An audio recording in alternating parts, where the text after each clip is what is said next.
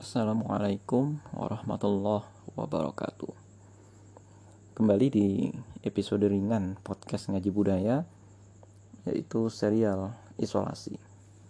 Sampai di sini kita akan membahas satu tema-tema yang ringan ya seputar rumah tangga atau seputar apa pun.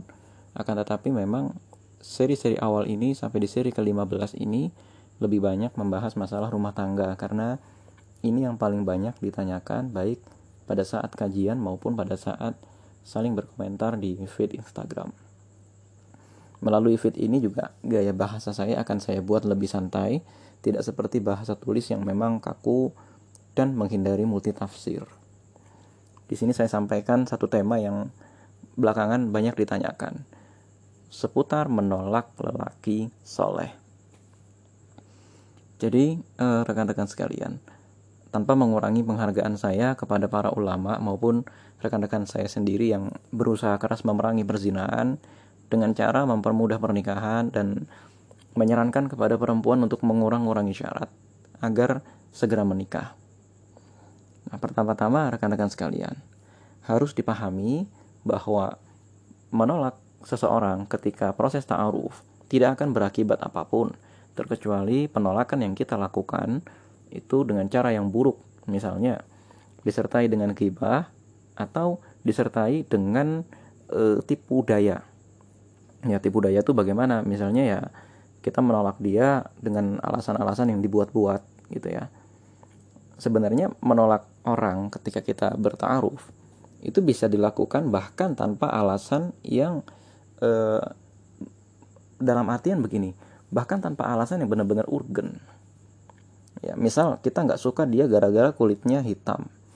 Kita nggak suka dia gara-gara dia miskin dan lain sebagainya. Itu dilindungi oleh syariat Islam.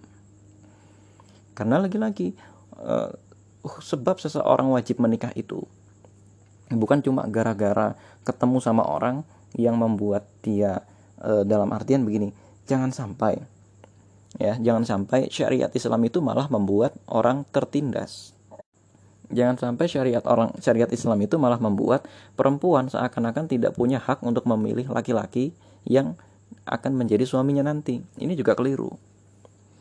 Syariat Islam itu sangat melindungi perempuan, sehingga si perempuan ini juga punya kuasa dengan siapa dia menikah. Cuma caranya memang perempuan itu bisa menolak atau bisa menerima itu caranya. Dan juga bisa mungkin mengajukan melalui walinya atau melalui orang yang dia percaya untuk mengundang seorang ikhwan menikahinya. Ini juga bisa. Maka kita kembali ke pembahasan awal. Menolak seorang laki-laki soleh itu boleh atau enggak? Sangat boleh. Itu yang pertama. Yang kedua, apalagi ini konteksnya belum khidbah. Apalagi ini konteksnya sama sekali belum ada lamaran. Belum ada pinangan. Kalau belum ada pinangan, ini statusnya masih orang biasa. Statusnya masih satu muslim dengan satu muslim yang lain. Dia masih belum mahram Lalu mengapa dia tidak boleh menolak? Nah, ada orang ulama ya memang menganjurkan untuk tidak menolak laki-laki soleh yang datang. Mengapa? Salah satu alasannya memang menghindari zina.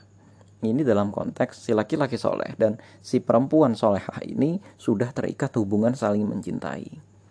Contoh, ketemu di kajian atau ketemu di organisasi, ternyata saling suka, Nah, saling sukanya itu mungkin namanya juga di organisasi Islam tidak nyata. Ya, saling suka, tapi e, kemudian ya ternyata si perempuan mengajukan syarat yang mengada-ada. Nah, ini yang dimaksud oleh perkataan ulama tadi, jangan menolak lelaki soleh. Jangan dalam artian membuat syarat-syarat yang pernikahan ini nanti akan menjadi sulit. Tapi kalau konteksnya begini, konteksnya ini ada laki-laki soleh datang tiba-tiba kita nggak kenal latar belakang keluarganya bagaimana dan lain sebagainya cita-cita dia mungkin beda dengan cita-cita kita, kita sama sekali belum ada pembicaraan, maka dalam hal ini berlakulah hukum syariat. Wajib bagi dia untuk melakukan ta'aruf dan menyelidiki siapa yang menjadi calon suaminya ini. Berta'aruf dan menyelidiki calon suami ini statusnya wajib. Ya, menurut sebagian ulama ini wajib. Bahkan ada ulama yang mengatakan ini bahkan ya calon suami itu boleh dicari-cari kejelekannya, sengaja dicari-cari kejelekannya itu boleh ya ada dua kondisi dalam syariat Islam menurut beberapa ulama yang menyebabkan seorang muslim itu wajib mencari-cari kejelekan seseorang. Ya. Yang pertama, ketika mencari calon suami. Yang kedua, ketika mencari seorang perawi hadis. Ada kondisi tambahan, kondisi ketiga, yaitu ketika mencari seorang calon pemimpin. Nah, dalam kondisi ini tentu saja, laki-laki soleh ini harus kita selidiki dulu, karena soleh itu tentu saja bukan sesuatu yang mutlak dalam rumah tangga. Dalam artian begini, soleh di zaman sekarang itu patokannya apa?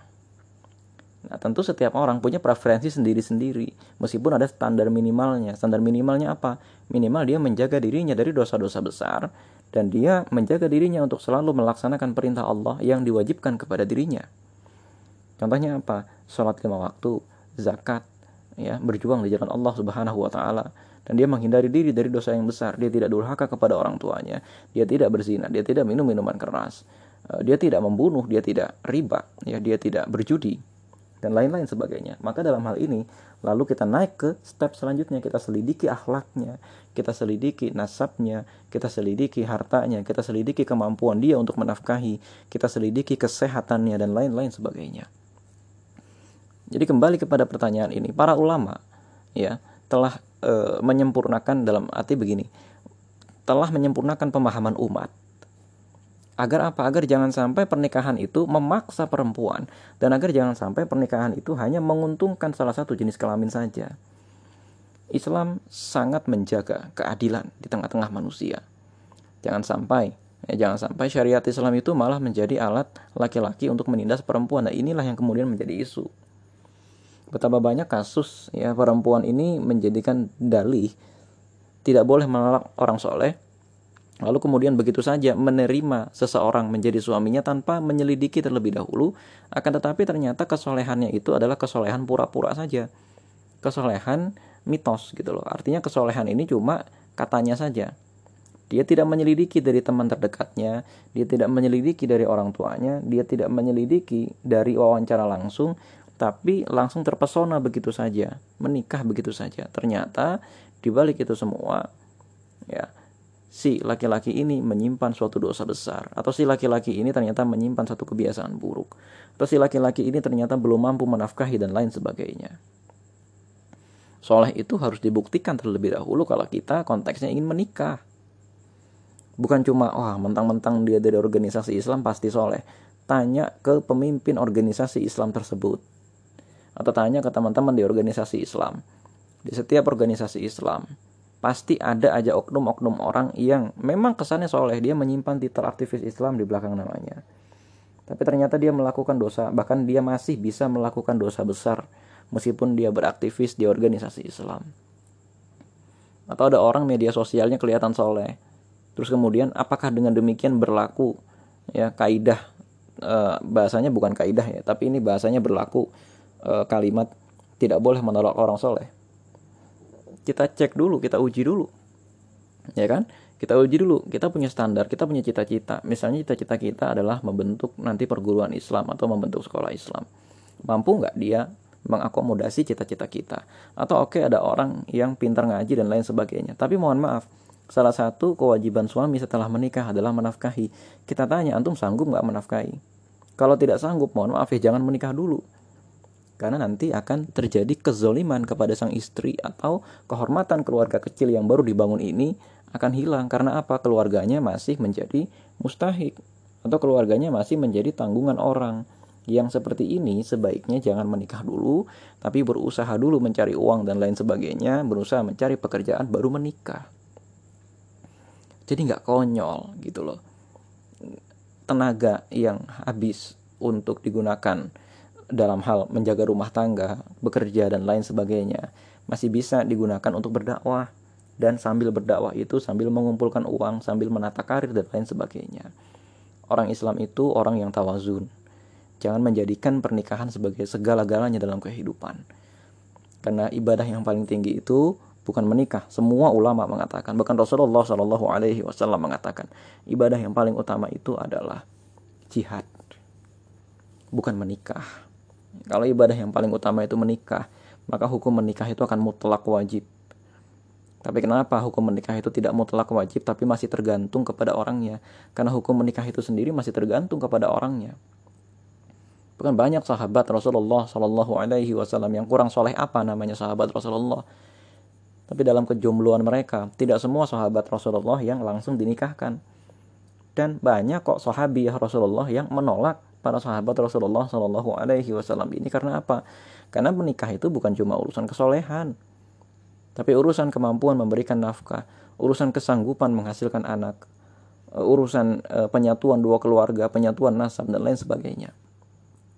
Jadi nggak apa-apa menolak seorang soleh, nggak usah takut kualat dalam Islam nggak ada yang namanya kualat.